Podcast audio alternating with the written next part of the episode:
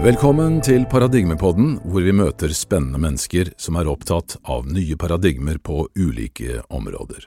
Mitt navn er Terje Toftenes.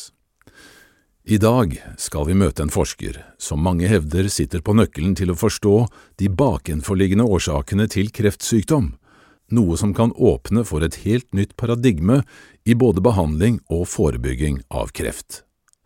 Professor i biologi og genetikk, dr. Thomas Seafried fra det prestisjetunge universitetet Boston College, oppdaget allerede på 1990-tallet hvilken positiv effekt et ketogent kosthold med et minimum av blodsukker hadde på reduksjon av kreftsvulster. Det førte til studier av kreftcellenes metabolisme og genetikk, og videre til konklusjonen som nå utfordrer det rådende dogme om at kreft er en genetisk sykdom som primært skyldes uflaks. Jeg har i Paradigmepoddens episode 13 med biopat Tove Traheim fortalt om min egen tilfriskning fra dødelig kreft, basert på denne nye forståelsen.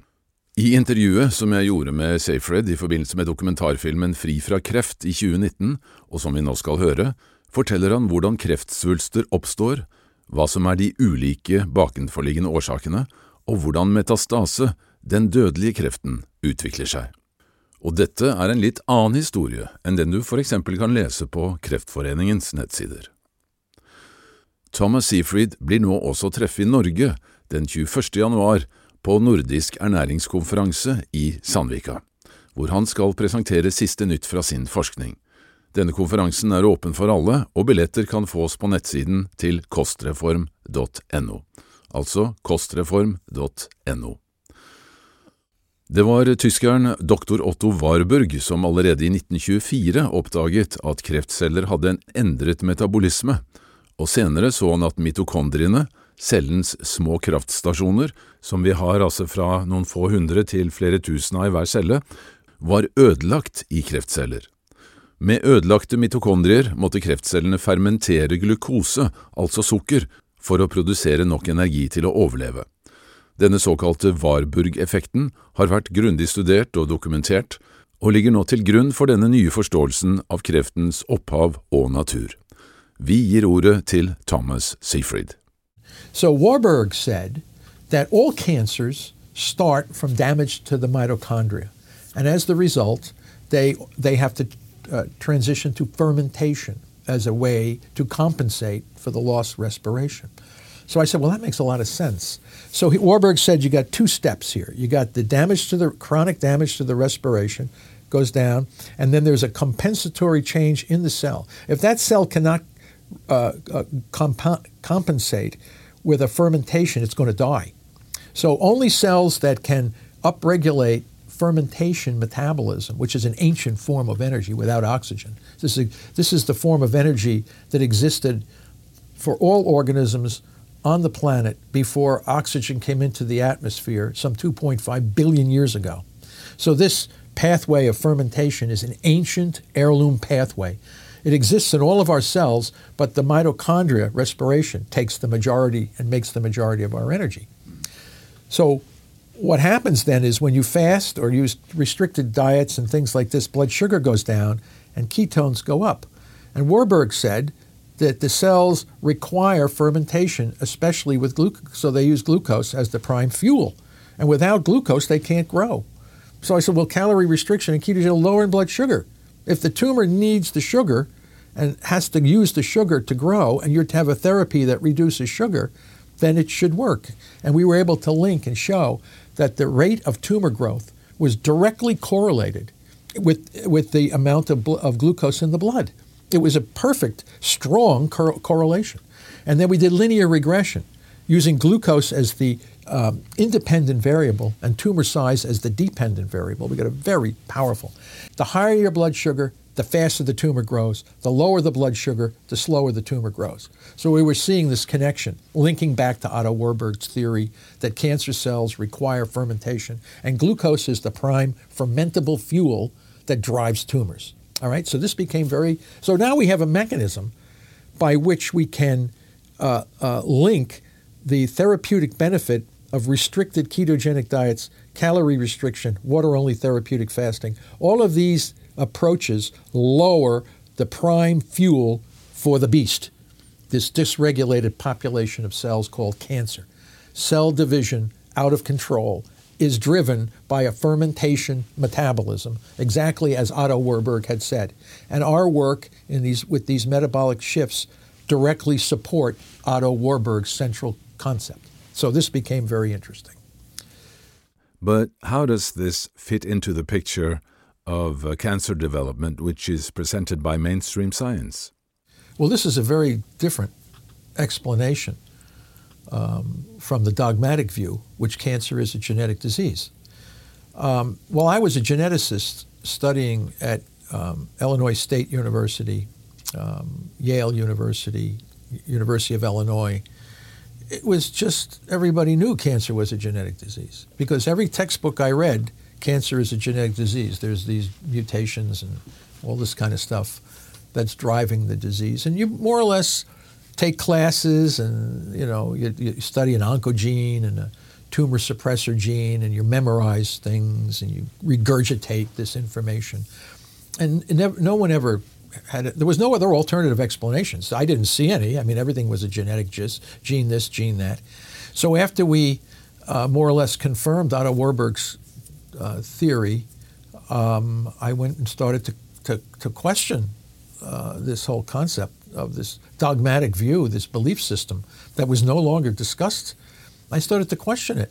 How this, did, who, who came up with this idea that cancer is a genetic disease in the first place? So it goes back to Theodore Boveri, a German scientist. You've got to realize uh, Theodore Boveri was very made made it was a, a, monumental figure in the field of genetics. Boveri uh, was reading stuff uh, he didn't even look at cancer. He was just reading about cancer having these abnormal chromosomes. And then he said, oh, maybe cancer has something to do with abnormal chromosomes. So he wrote this big article. And then, of course, when Watson and Crick discovered DNA, biology uh, became molecular biology. And, and the envy of physicists became to be reduced a little bit because biologists were always these uh, obscure individuals who studied all this stuff that no one could really quantify well. But now you're bringing biology into the into the zone of physics. You know, now it's really important. So there was a stampede of every kind of a thinking person. Let's learn more about DNA replication. Oh, the genes are now mutations in DNA, and, and we started to link the, or, the organization of bases on a um, uh, nucleic acids to the amino acids, and it was beautiful. Everything was fitting together. And then you look at cancer, and you find broken chromosomes, mutations. Ah, Boveri was right cancer is a genetic disease.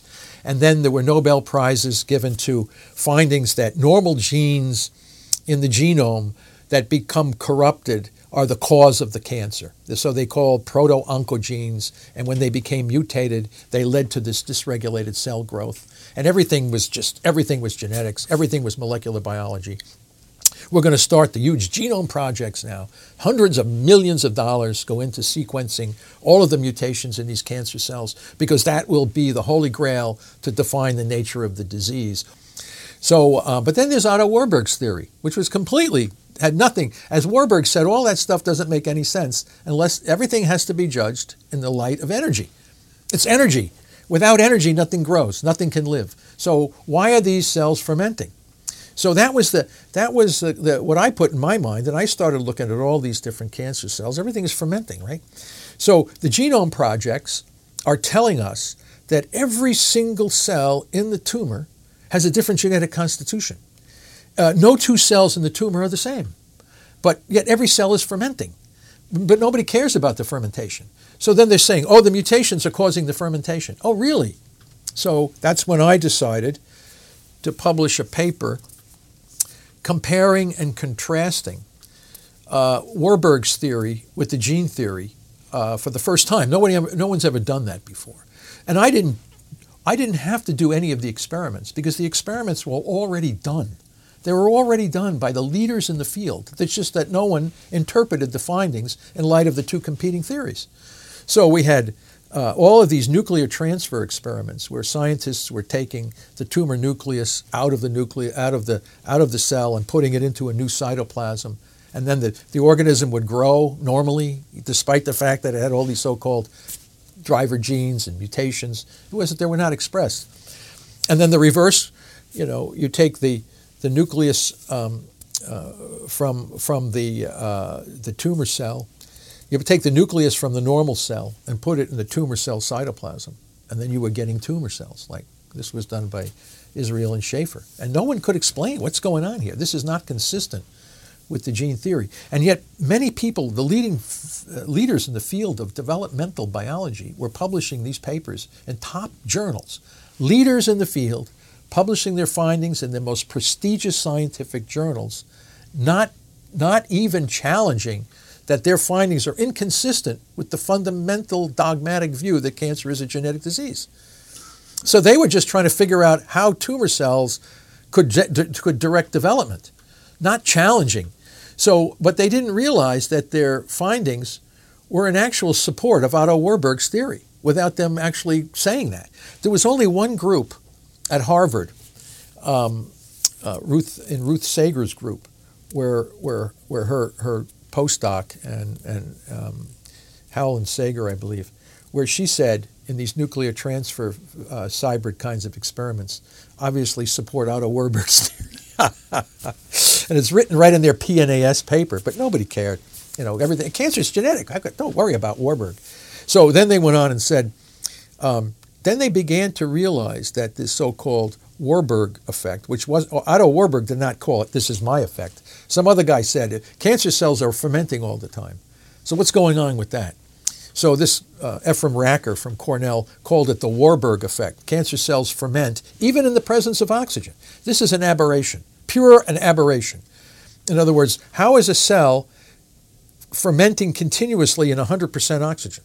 Because Louis Pasteur in yeast showed that yeast ferment, they naturally ferment, but as soon as oxygen comes in, they stop fermenting and they start to respire. This is a major, it's called the Pasteur effect. Warburg effect is op- it doesn't why a cell that's now having oxygen continues to ferment like it was no oxygen in the planet, but it's still doing that. Warburg clearly said because the mitochondria are defective. That's the reason why. And nobody wanted to believe him because they said, "Oh, but these cells are taking in oxygen, but they're still from they're still making lactic acid, waste product." Why? They said, "Why would they do that?" You should never ask why. How, the answer should, how do they do that? And they didn't want to believe that, respir- that the mitochondria were defective because they said, well, they're taking in oxygen and they're making ATP inside the mitochondria. Therefore, Warburg is wrong. And, and um, that led to tremendous controversy. So then the geneticists said, oh, the mutations make the cell want to ferment, even though it has normal respiration. Well, this is primitive. This is Stone Age thinking, right? You can't. This is teleological. The cell doesn't want to do anything. It does things because it has to do certain things, right? So none of this made sense to me in the philosophy of the field that I'm working in. The philosophy of biology, which is based on Darwinian evolution, makes no sense that these cells are, people are using teleological arguments to, to, oh, the mitochondria are defective and uh, the mitochondria are normal, but the cell chooses to ferment as, off, as, if, as if it had a choice. it's fermenting because the mitochondria are defective. Nobody wants to believe this. So what I did is I go back and I look at electron microscopes, uh, people who have done electron microscopy of cancer and you can then you can see mitochondria because you can't see the mitochondria under a light microscope. They're, they're, they're, they're, they're invisible, basically, little specks. But then you look under an electron microscope and you can see them, beautiful, elaborate, elaborate structures. And they're all, they're all damaged in some way. Too few, too big, swollen, this, that. So in biology, we have a concept. It's a, it's a philosophical concept. Structure determines function. If the structure is, is abnormal, if the, if the animal has a broken leg, a bad wing, or whatever, the function of that, of that structure is going to be altered. We know that. It goes right back to the, the fundamental. If the DNA is damaged, it's unlikely that the, the, that the phenotype of whatever that's coding for is going to be normal. Structure determines function. If the organelle that's driving the energy in our body is structurally abnormal, it's extremely likely that that uh, function of that organelle is not going to be normal. So that, so that tells us there that Warburg was correct because the cells are fermenting not because they want to ferment or choose to ferment. They ferment because they have to ferment. The very organelle responsible for respiration is defective. And if they don't ferment, they're going to die. As Warburg said, no, you can never find a cancer cell. A cancer cell has to ferment because if it can't ferment, it'd never be a cancer cell in the first place. So then we go back and look at the genes. So every cancer is a different genetic entity. Every cell in the cancer has different genes, but yet every cell in the cancer is fermenting. Why is it fermenting? Because it's mitochondria defective. Oh, okay. Makes perfect sense. So the common pathophysiological mechanism of the disease is mitochondrial dysfunction coupled with a fermentation. So how does that happen? People say, well, how do you get cancer? How do you explain? And this was the oncogenic paradox, which I also resolved in my book and in my papers. What I mean by that is the, is the if you have viruses that damage the respiration, leading to a compensatory fermentation, you can get cancer from virus. We call them onc- oncogenic viruses, such as hepatitis C, papillomaviruses. You can get uh, human cytomegaloviruses. These all are, are risk factors for developing cancer. So the viral theory now comes into play with Warburg's central theory. Okay, so we were able to link Peyton Rous and all these guys that worked on viruses, now bringing, bringing them back into the central theory that cancer is a mitochondrial metabolic disorder, basically, with a compensatory fermentation. So this is key. So if the virus attack is too acute, the cell will die. But if the viruses kind of hang out in the mitochondria or the products of the virus uh, enter the mitochondria, they gradually disrupt respiration, leading to a compensatory fermentation. Okay, so viruses we can account for. What about uh, radiation? Well, radiation, people know that if you get a radio, why do you fear radiation? Well, it could give me cancer. Well, how does radiation give you cancer? Well, radiation damages the electron transport chain, thereby putting the cell at risk for death. But if it doesn't die, it has to compensate for the lost respiration by upregulating fermentation. So, and when you see the cancers, they're all fermenting. So I got, oh, this cancer came from radiation exposure. Oh, really? What is it doing? It's fermenting. Well, how do you go from radiation exposure to fermentation? By damaging the respiration, and as Warburg, it's a compensatory change. Okay. What about hypoxia? Intermittent hypoxia. So we look at tissues, and you have a blood vessel that's delivering oxygen to a particular area. That blood vessel, for whatever reason, a contusion, or, it stops the oxygen. Oxygen comes in, then you get reactive oxygen species, damage to the respiration, which then, over time, chronically leads to a, a, compensatory fermentation. Okay, what about systemic inflammation? People know that inflammation can lead to cancer. Obesity, we have an epi- uh, uh, a world, in this country for sure, and it's becoming worldwide, epidemic obesity. Oh, well, how does obesity link to cancer? Well, obesity oftentimes is associated with systemic inflammation. How do you know that? Measure the person's C reactive protein, a marker for inflammation. If C reactive protein is elevated, systemic body inflammation is elevated. Inflammation damages mitochondrial respiration chronically in some population of cells. So, an obese person could get cancer of the colon, could get cancer of the kidney, could get cancer of some other organ It doesn't always happen to be the same, but it's caused by systemic inflammation, damaging a population, of cells, thereby causing cancer. Wow. Okay, so we've linked age. The older you get, the more likely you're going to have cancer. Why? Because age over time damages respiration in some population of cells, thereby leading to, a, to the formation of cancer. So, so we have viral infections, we have radiation, we have hypoxia. This, all of these can cause, and then we have carcinogens. Okay, so we know that carcinogens enter into the mitochondria, damaging mitochondria, leading to compensatory fermentation. We know this. And then not all carcinogens cause mutations. This was always an interesting thing, like asbestos. Asbestos doesn't cause mutations, but causes cancer. But asbestos causes systemic inflammation in the microenvironment, thereby damaging the resume, thereby you don't need the mutations. The nuclear transfer experiments clearly showed that the mutations are not the drivers, they're the effects because you can develop an organism from the nucleus of a tumor cell with the mutation still present. Several scientists have shown this. So this then starts to shake the dogma to the core. This dogmatic view that cancer is a genetic disease makes no sense in light of all this other information. Now we see that we've now found cancers that have no mutations. Can't find any mutations, that this thing is growing out of control. So how is, it, how is the cause of cancer mutation when there's no mutation? right? So now we're finding now we're finding driver gene mutations in normal cells of the body. How is that possible? Here we're supposed to have these so called drivers that cost $100 million to identify this driver that's now in normal cells with no cancer. So you put all this together, and you have to have, you have to be cognitively challenged to think that cancer is a genetic disease. You have to be cognitively challenged. You know what that means? so, you know, I'm just calling it out. I'm providing the scientific evidence that challenges the fundamental issue of the dogma from beginning to end.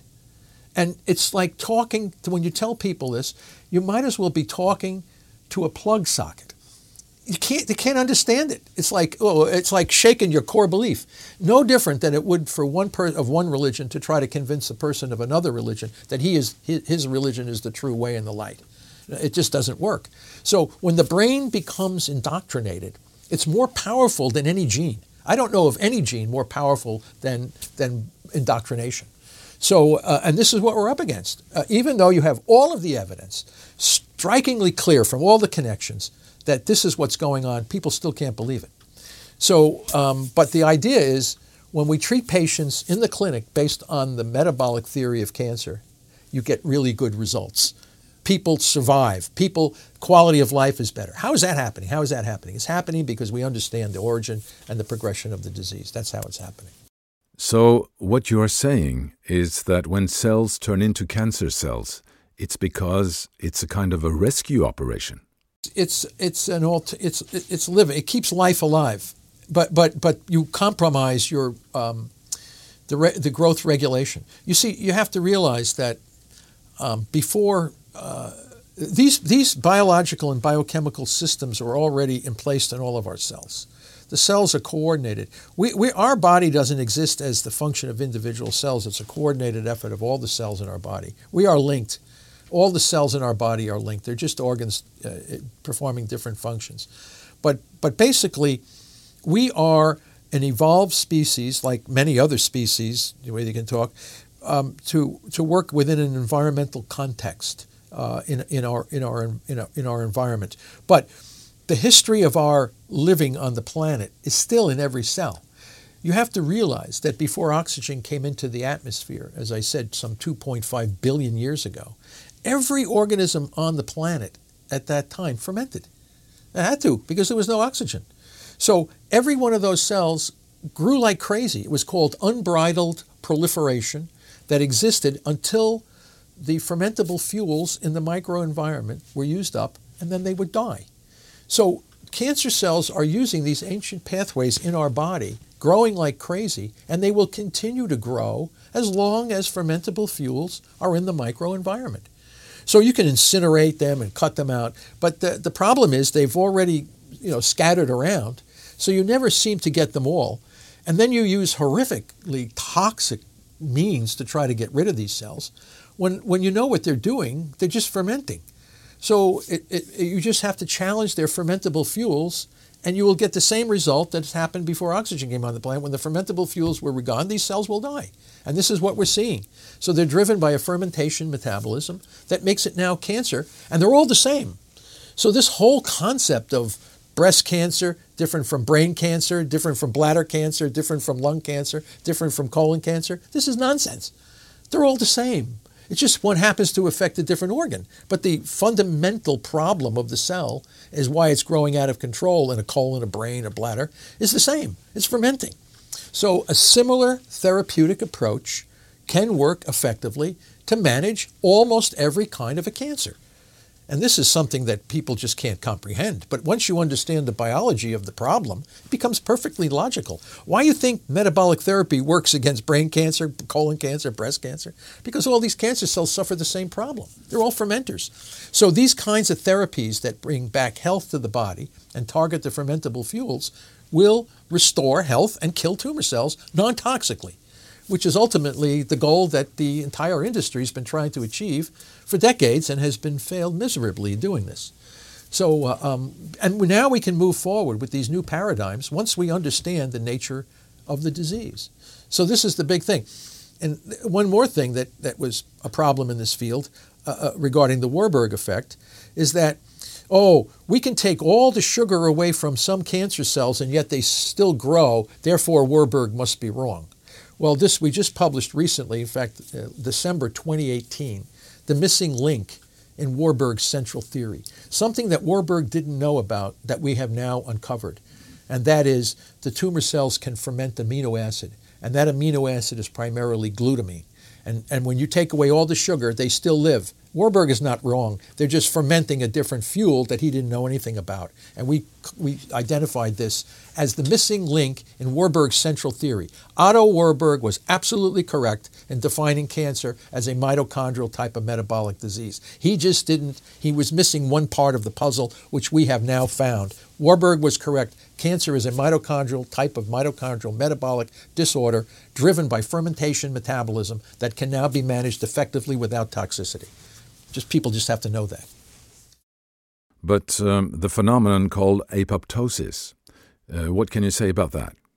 Well, apoptosis is a programmed, uh, uh, they call it programmed cell death, which is controlled by the mitochondria. So when the mitochondria get acutely damaged, one of the proteins of the electron transport chain, cytochrome C, is released which sets off a cascade uh, event and leading to the uh, death of the cell through, through uh, energy failure, basically. So, so the kill switch for our cells is the mitochondrion. The mitochondrion controls life and death of our cell.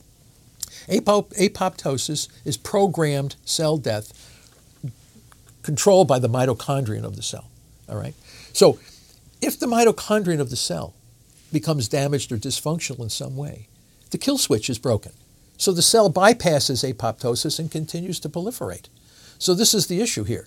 So one of the uh, what they call the um, uh, hallmarks of cancer is uh, evasion of apoptosis. How do you explain that?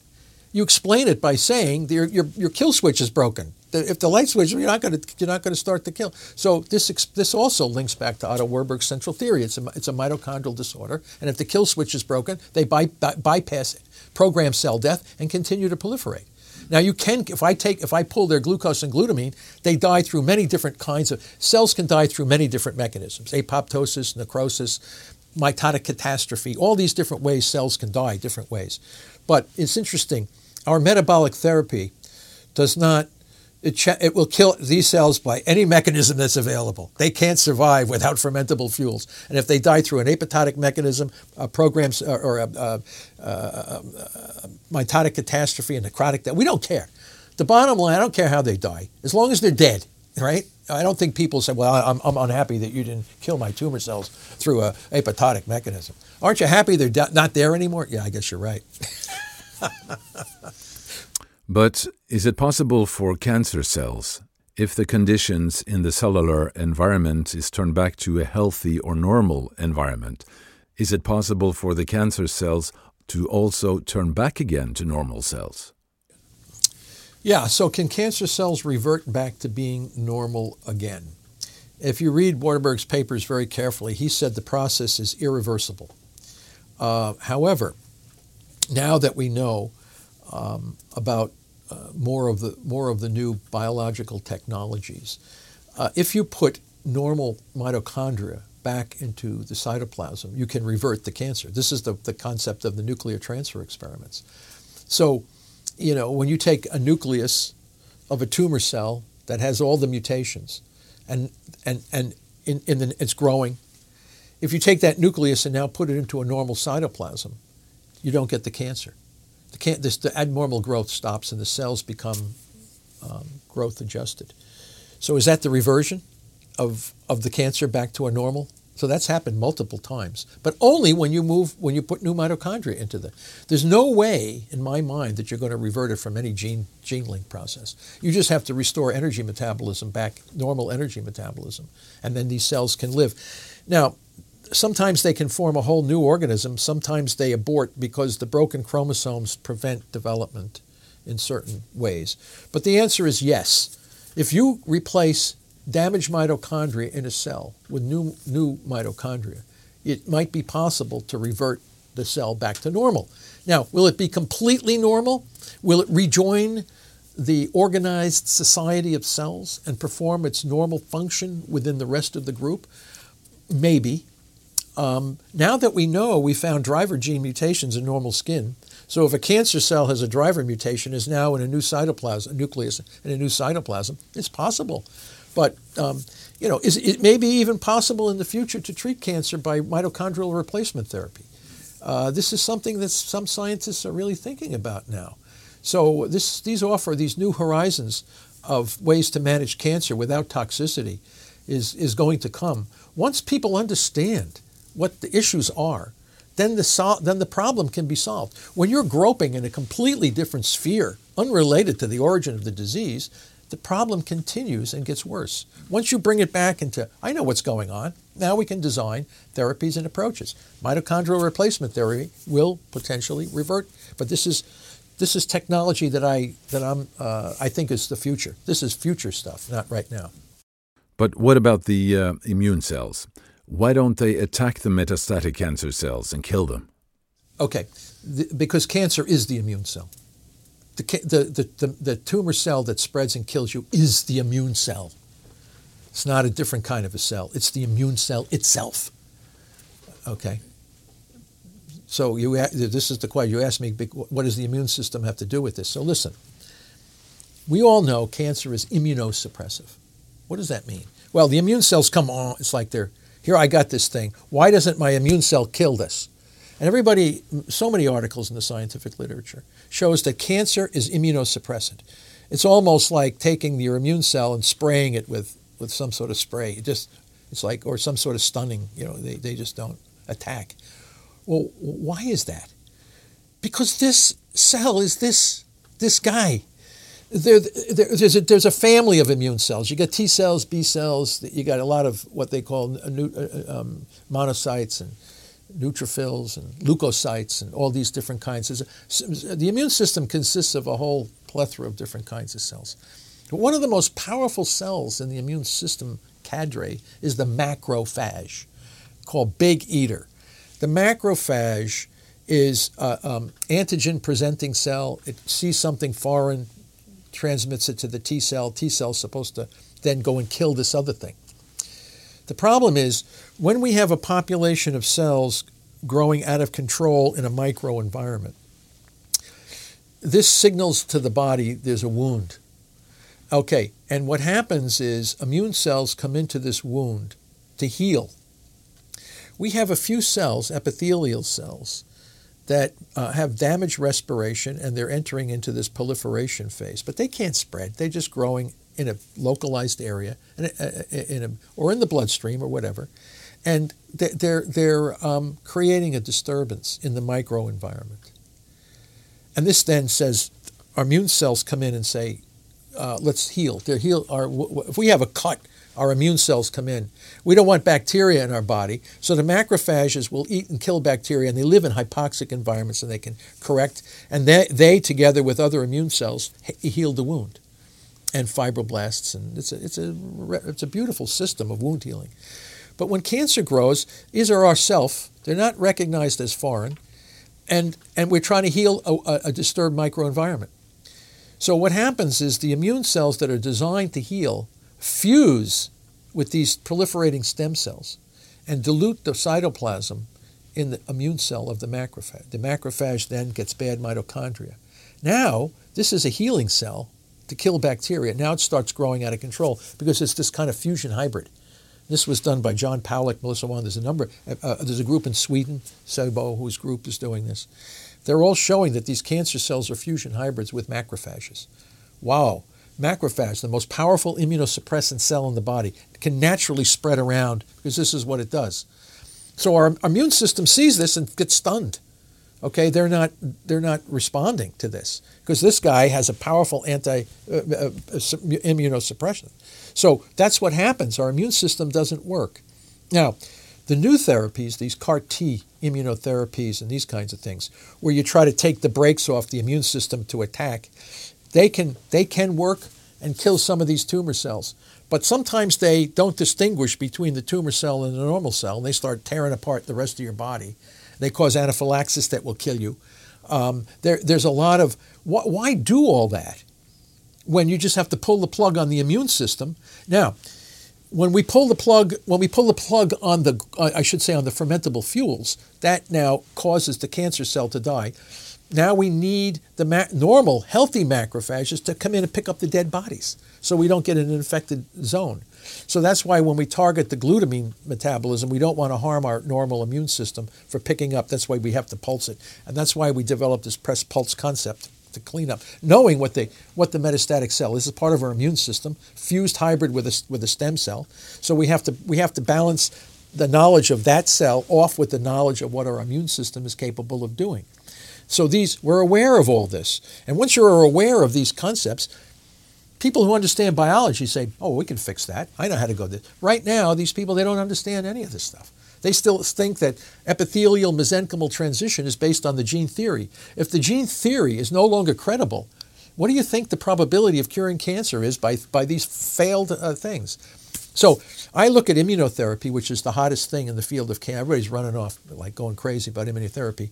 These are Rube Goldbergs. You know what a Rube Goldberg is? He was an American cartoonist who used to write incredibly complicated things to, to do simple processes, like picking up a newspaper or you know, he would just call them Rube Goldberg machines. They're extremely complicated ways of doing something very simple. So you take your own immune cells, you genetically engineer them, you then put them back into the body. They're supposed to track down and kill the tumor cells. This is a Rube Goldberg. All you have to do is pull the fuels on the on the fermentable fuels, and you'll kill them. Why go through all this stuff? It's extremely expensive. It has a high probability of killing you. If, if it doesn't cure you, it, it kills you or puts you at uh, some catastrophic organ failure or something like this, why, why put any human being at risk for doing any of this stuff when you can simply pull out their fermentable fuels and kill them without toxicity? Once you understand the biology of the problem, and you understand the, the, interactions between all of our biological systems. Eliminating cancer cells from the body is not that challenging once you understand what you need to do. But as long as you think it's a genetic disease, then you develop Rube Goldberg machines to try to, to solve the problem. And that's where we're at today. We got a Rube Goldberg machines everywhere trying to deal with a very, I don't want to say it's completely simple, but I, don't, I want to make it a hell of a lot simpler than people make it out to be. It's not as complicated as people make it out to be. At least in my view, understanding the biology of the problem, I can see solutions that would be cost effective, non toxic, instead of all this Rube Goldberg stuff. So, if I uh, understand you right, um, the cells that become cancer cells are mainly the immune cells? Well, it's no, they're epithelial cells that grow out of control, but the metastatic, because these are what we call benign tumors, you can easily get rid of those things. Okay, so we're only talking about metastatic cancer cells. Metastatic cells, those are the, the, the ones that kill people. Okay, benign tumor, you can go in and just cut it out, it's gone. What do you got there? I got a growth. A growth. What does that mean? Growing cells. Uh, did they invade? No, they're just population there. Oh, we can cut that right out. If it's in a hard place, we can just use a little irradiation, or we can do this. Surgeons, you know, they cure cancer all the time as long as it's not malignant. What does malignancy mean? Oh, it's invading and spreading. Well, how it do that? It infused with these macrophages. Then you got this is the most powerful cell in the body, now rogue in your body. These are tough cells. And they're always like, oh, they always come back. They're always resistant. because you never pull the plug on their fuels. If you pull the plug on their fuel, they're not coming back. why? Why? Oh, they're so resistant. They're so tough. They're so hard to control. Well, well, did you pull the plug on their fermentable fuels? No, I didn't do that. What did you do? Well, I did some immunotherapy. Well, what the hell do you expect? You know, you're not going after the heart of the problem. Oh, but there are people who respond really well and live. And I'm not going to say you can't cure cancer by immunotherapy, radiation therapy, chemotherapy. But you put yourself at tremendous risk. I'm not saying don't use those. I'm just saying if you had something that worked as well, if not better, that didn't harm you and was cost effective, don't you think you might want to try that? Why? I'm sure I'm not going to stop. If you've got $100 million and you want to take CAR T therapy, great, be my guest. You know, as a matter of fact, some of the richest people on the planet, the guys who are massively well endowed with finances, go for these very expensive immunotherapies and oftentimes die very quickly from them. Oh, he died from this and that. And that happened to um, uh, Paul Allen of Microsoft, died in a couple of weeks. And same with Blake Nordstrom of the Nordstrom department stores. These guys just died quick from the therapy. Nobody, nobody dies in two or three weeks from metabolic therapy. I tell you that right now. You just will not die from metabolic therapy in two or three weeks. But if you go for these Rube Goldberg pro- procedures, you could eventually die from the, the treatments. No one should have to die from the treatment. You like to know that you died from the disease, not the attempt to try to treat the disease, right? But this is what's happening. Thousands and thousands of people around the world are dying as the result of the treatments that they're getting, uh, these toxic treatments. I just can't understand it. So as I say to people, when you, you know, they, sometimes you have these organizations that make you shave your head to be an alliance to raise money for the cancer patients. Why you do? Why you shave your head? Well, everybody get, gets treated. They go get a bald head. So uh, we want to be like them, so we raise money to shave our head to be like the cancer patient. I said, well, if once you see a person with a bald head from being treated with cancer, you know that person who treated you doesn't know anything about the biology of the disease. you want to kill the tumor cell, not go bald. right? Why should your hair have to fall out when you try to kill a tumor cell? So you just pull the plug. The hair doesn't. The hair can respire on ketones. They don't need the, the glucose and the glutamine. The tumor cell needs glucose and glutamine. Pull the plug on the glucose and glutamine. You keep your hair and you kill the tumor cell. So what, what, what's what's the what's why everybody wants to get go bald being treated with these drugs? They don't want to. They they are just dependent on the medical establishment treating them with what they think is the correct way to be treated. This is nonsense. Most of that stuff is based on a false. Why are you using radiation? Why are you using chemo? Well, we have to stop. These cells are growing out of control. We have to stop them. Oh, so you're using radiation to incinerate and break the DNA? And then you're going to use a very powerful chemical to stop DNA replication or, or the micro, microtubules in the cell so that you can stop the cell cycle, but at the same time it has collateral damage through your whole body? When this cell is, is proliferating only because it's fermenting, and you can't pull, pull the fermentable fuels, it's going to die and you don't harm anything else because the ketones are protecting the rest of your body. I mean, this is an elegant, beautiful system for managing cancer without toxicity. But because people are indoctrinated in the gene theory of cancer and believe that all this stuff is necessary, they continue to march down this abysmal path of death and suffering. It makes no sense once you understand the biology. Now, of course, what I'm talking about is an incredible paradigm shift. All right? This is, this is a, what we call a disruptive technology. I mean, what are we going to do with all these people that are nuking and poisoning people in the clinics? We've got to find something else for them to do, right? they don't need to do that anymore. Well, maybe they should learn metabolic therapy. Maybe they should learn more about how to use hyperbaric oxygen instead of radiation. All the mechanisms that we're starting to outline now are the future of cancer of, of cancer management, just not today. Um, so uh, you see a lot of resistance in the medical community against this. But the resistance, I think, comes more from lack of knowledge and disrupting a, a an entrenched practice the practice has been entrenched, it's ingrained throughout the whole world. I've been all over the world, all these different countries, and they're all doing the same thing. I don't care where you go, even India, China, Japan, they're all the same. All over Europe, all over the United States, South America, everybody is irradiating and poisoning people to make them healthy when they have cancer. Surgical mutilations, poisonous chemicals, toxic radiations. This is the standard of care throughout the world, right? And then you come along and you say, listen, the science is not the science that we understand of the, the biology of the problem suggests that we can manage this disease with an alternative approach that doesn't have to involve this. Well, this is like, whoa, you can't can't be right. Well, I am right. Just read the literature. I spend my whole I mean, I've read hundreds and hundreds of papers supporting. I'm not just saying this because I feel this way. I say it because I read hundreds and hundreds of papers supporting what I'm saying. People just seem to discount it.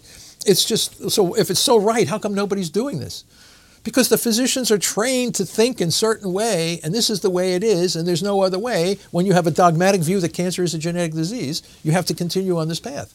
But if the dogma is not right then this becomes a disaster a tragedy a monument the greatest tragedy in the history of medicine. There's nothing that will compare to what we have done over these last hundred years in the way we're treating people with cancer. Nothing slaughtering and killing thousands and millions of people worldwide because of a misunderstanding of the nature of the disease. So this will go down, bar none, as the single greatest tragedy in the history of medicine by treating and, and mutilating and poisoning all these people when, when, when all you have to do is pull the plug on their fermentable fuels. And this is the, the shock that will eventually come to be recognized. It's just a matter of time once people understand the, the, details. I have all the details. I mean, if they want to hear them, I can tell them. But but but this is what they will come to know. And once they do, then they'll say, "Oh, we better make a change here." But it comes gradually, like anything else. So we just have to Unfortunately, we have to sacrifice, allow these poor people to be suffering, uh, suffering, die because of a lack of knowledge on the part of the, uh, institutions that are supposed to be the caregivers and the, and, and the healers of these people. And it's just, unfortunately, that's the way it works. Ah, incredible. Well, um, could we talk a little bit about the keto diet? Well, one of the problems in using metabolic therapy for cancer is the ketogenic diet. The term diet has never been accepted as a sophisticated way to manage disease in general. Okay? So we talk about diets. It's really not a diet, it's ketogenic metabolic therapy. So you put the patient into what we call therapeutic ketosis. And the young uh, German oncologist Sebastian uh, Winter from Berlin was the one who said um, we should change the name of this whole thing to KMT, ketogenic metabolic therapy.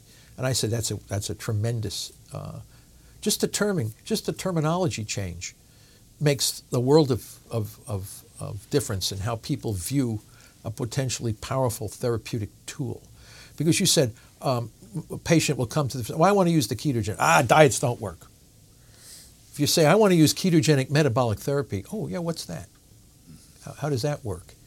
Well, you lower your blood sugar and you elevate your blood ketone bodies. Why? How? How does that work? Well, the tumor needs the glucose, the sugar. And if I lower the sugar, the tumor will be restricted in its ability to ferment, which is the driving force of the beast. And what if I elevate ketones? Then I can protect the brain from hypoglycemia.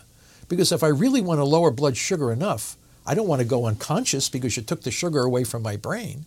But if I transition my body into therapeutic ketosis, my brain is now protected against dramatic reductions in blood sugar. So the tumors will suffer, but my brain will be protected. So this is wonderful. So we call it therapeutic ketosis, or we call it ketogenic metabolic therapy rather than ketogenic diet, because a ketogenic diet is only one way to get into therapeutic ketosis. You can do water only fasting, you know. So I chose to go keto rather than telling people to drink water for three weeks. You're a nut. You must be some sort of a nut. But that's a way to get into therapeutic ketosis. Once you're in therapeutic ketosis, and we develop the glucose ketone index as a ratio of blood sugar to blood ketones to allow cancer patients to know whether or not they're in therapeutic ketosis. Because if they are, they know they're killing the tumor cells and stopping the inflammation and all of the angiogenesis that's contributing to the growth of their tumor and healing the rest of the body in coordination with killing the tumor cells and restricting their growth. So we have markers now to let people know they're in therapeutic ketosis. How do you get there? Well, a, a, a, diet that will be low in carbohydrates and high in fat can bring you into therapeutic ketosis. Uh, or you can do water only fasting, or you can do a lot of different things to get your blood sugars down and your ketones elevated into.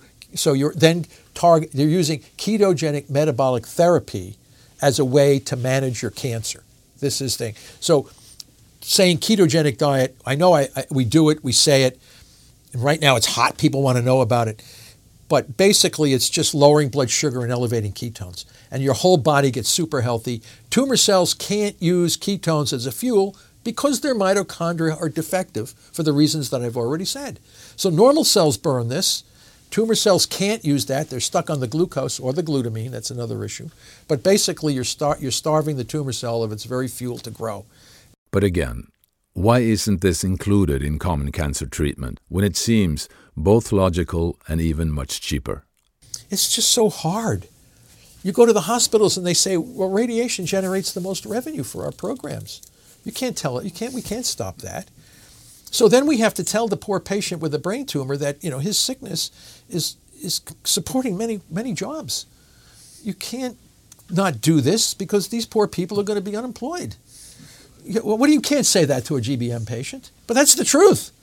The truth is that we must irradiate you because we're going to we, we have a revenue stream to keep the hospital doors open. And this is a big revenue stream here. So your treatment is supporting a lot of other. Pro, uh, I had one person tell me we have to close hospitals if we adapt metabolic therapy because we'll cut the revenue stream and the hospital won't be able to function anymore. How do you reject? How do you how do you respond to something like this? right? You can't. So, so what is the purpose then?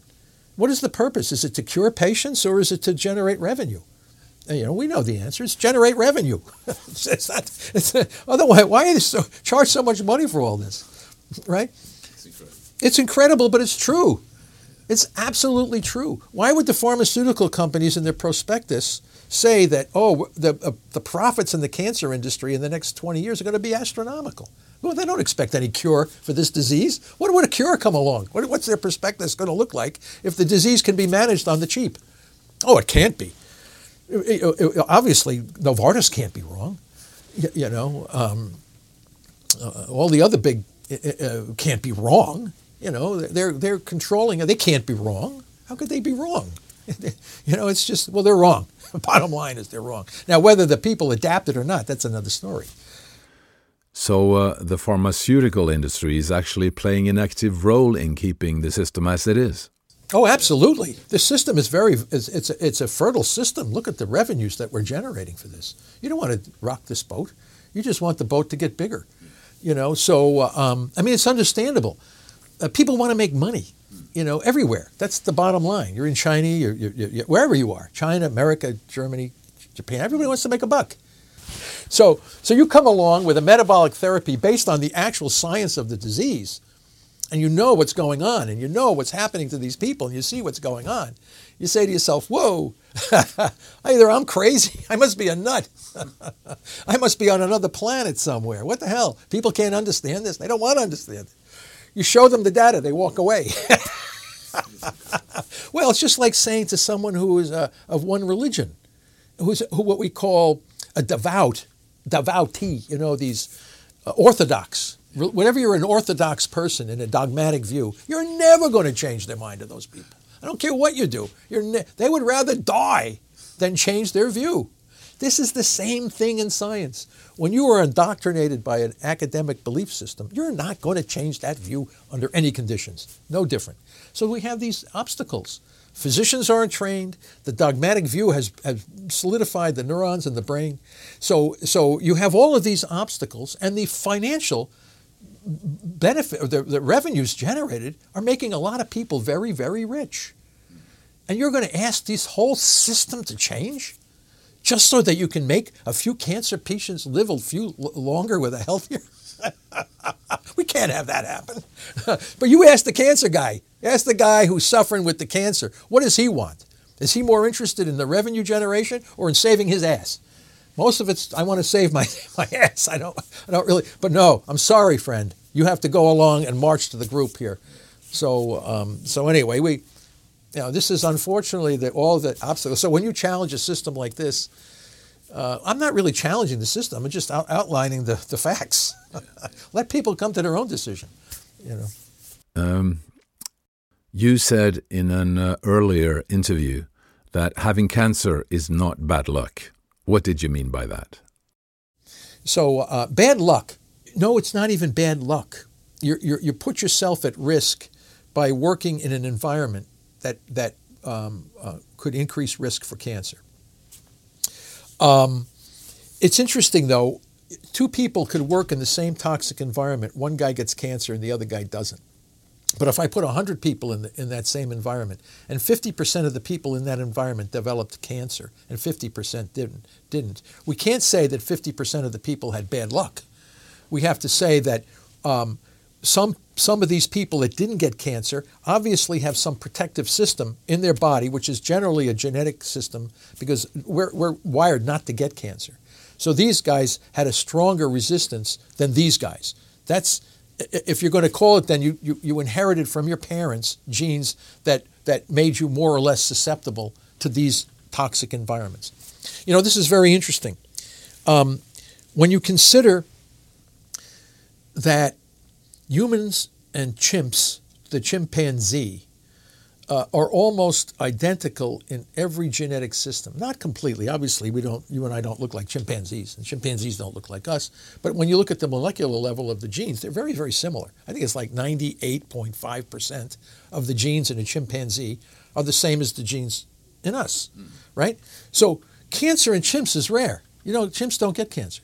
So how is it possible that we all share the same genes? Why this why this group of organisms has cancer is so rare, and it, and it's in us is, is so so high? What could explain this? So, someone came out recently and said we need to know what the chimps eat because it could have um, anti-cancer properties. Whatever the chimps are eating, it may have anti- anti-cancer properties. No, no, no. It's what the chimps aren't eating. if we sat down and gave chimps pizza pie and Big Macs and Coca Cola every day, they would have type 2 diabetes and cancer and dementia just like we have.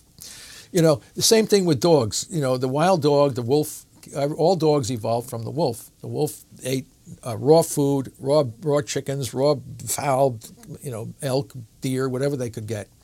And now we give them all these foods that are loaded with grains and carbohydrates, and they're full of cancer, dogs and humans. So clearly, this isn't bad luck. This is bad environment. so we as a species have deviated so far from our evolutionary roots, like all animals, uh, that we are now being burdened by health, health issues related to our technological advances. That's the price we must pay for our technological advances. The chimp never engineered its food to be so sweet and so tasty and so delicious. It ate what was given to it in the environment or what some human gave to it.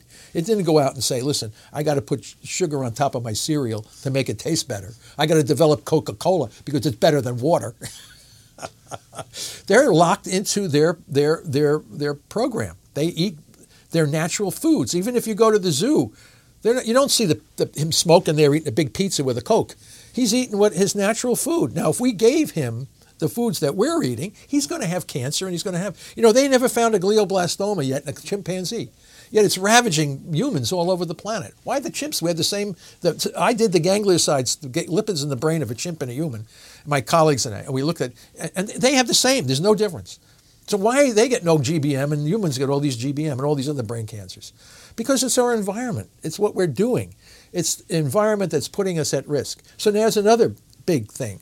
So we're, we're accepting cancer because we would like to live in a western side. We're not going to go back and you know, you know, club cows in the field and, and eat upon their flesh. We have cows that that eat grass and corn makes their makes their flesh tasty. We give them hormones, and we give them all kinds of crap. And the next thing you know, we get cancer. We eat these cows that. well, this is the price we got to pay.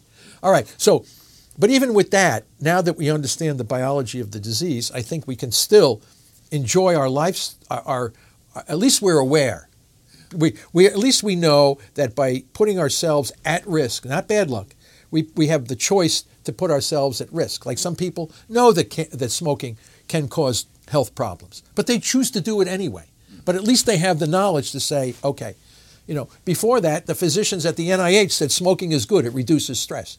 Well, this is nuts. But now, obviously, that's changed. So I think the issue with cancer and I think diets and lifestyle issues and all these different kinds of things will eventually take hold and start to make people understand the, the, the, risks they put themselves in. And we're all guilty. I'm guilty of it too. I mean, I, I like living in society. I like a sweet thing every now and then.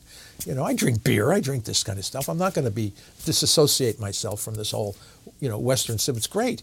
But I also have to recognize that there are issues that need to be uh, uh, recognized that can let you choose to do this or that because there's a scientific basis for it. Well, um, why is it so difficult to do studies on metabolic cancer therapy? Is it only lack of funding, or what is it? Well, the funding obviously is an issue because you're you're going to do a clinical trial on a therapy that's not going to be um, recognized at, at present to generate a large amount of revenue. But th- that's that's secondary, far far down the stream. We I am not at this point in time favor uh, in favor of doing a clinical trial on metabolic therapy yet. The reason is the very people that must collect the data, analyze the patients, these people are not trained. They don't know anything about this. They need to be trained to know what they should look for, how to implement all of the different strategies of doses, timing, and scheduling. Because it's not just um, ketogenic metabolic therapy, it's a complicated, uh, like we said, the press pulse. It's a combination of, of, of uh, stress is a combination of, of, of diets, drugs, and procedures all put together in, in a composite therapy.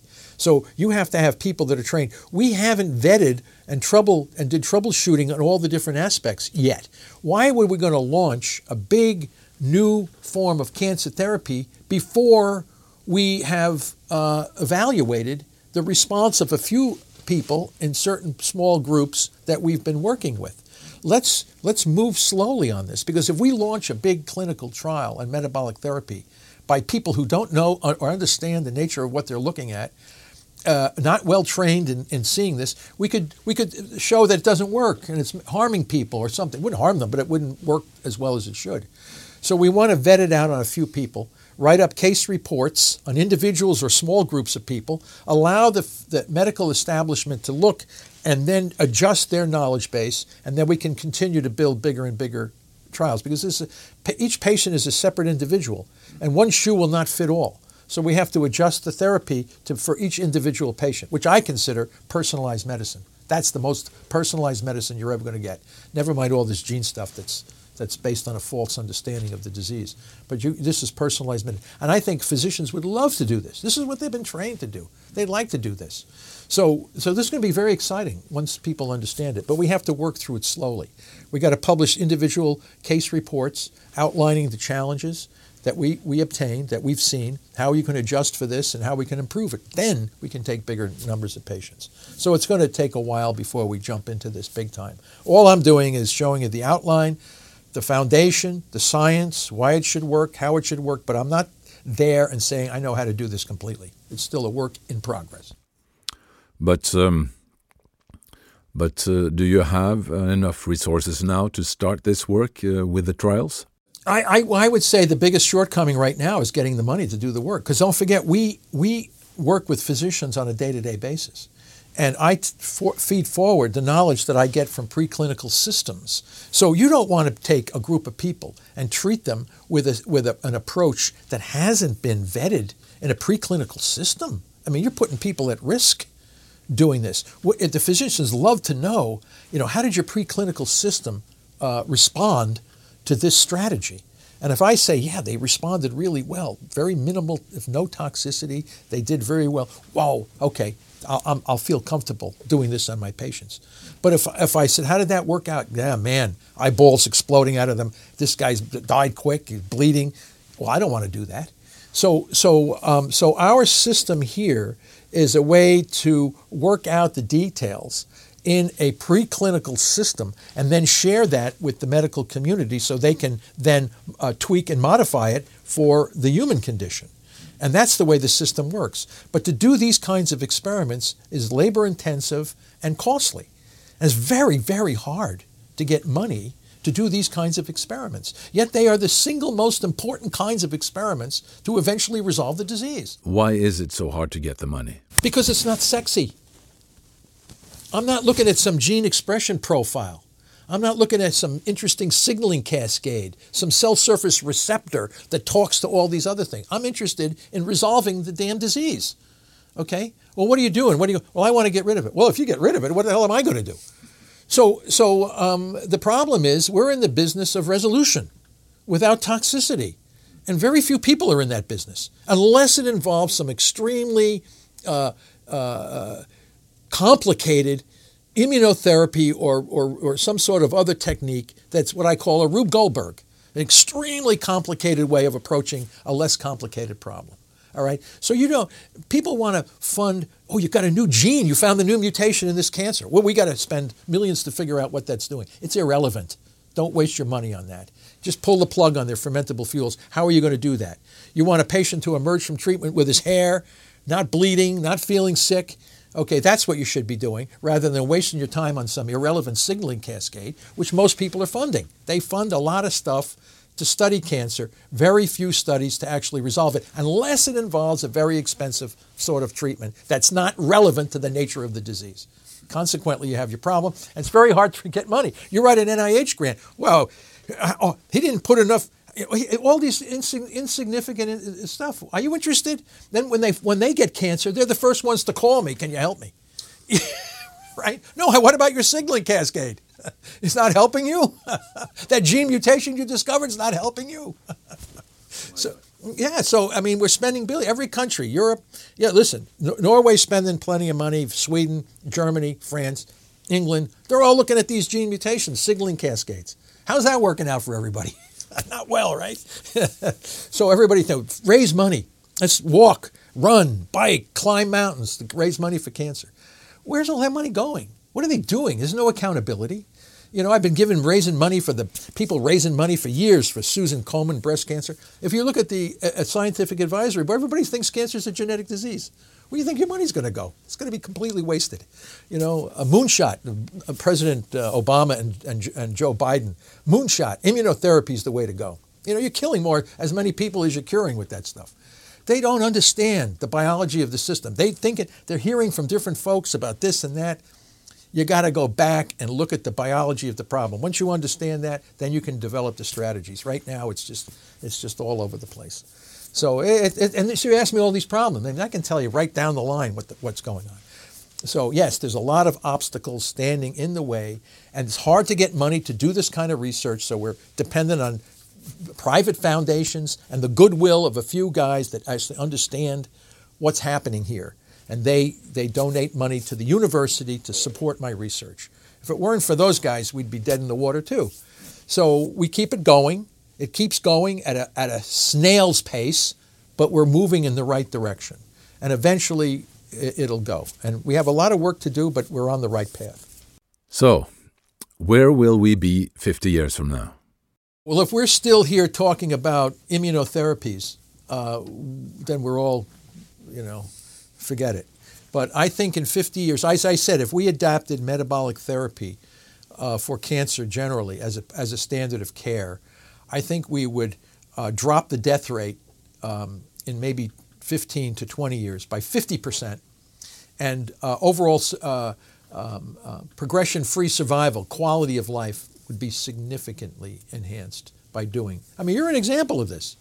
So, so this everybody could be, almost everybody, not everybody, but a lot of people would, would be in your position. All right, you're healthy, you, you feel good, you, you have a good future. So, what's wrong with that? right? Why, why? Well, you're an anecdote. No, no, you're an anecdote. Can't be real. So, Pablo Kelly's an anecdote. You know, Allison Gannett's an anecdote. Uh, Andrew Scarborough's an anecdote. You're an anecdote. How many anecdotes do you need before you realize something's going on here? So I want more anecdotes than I want.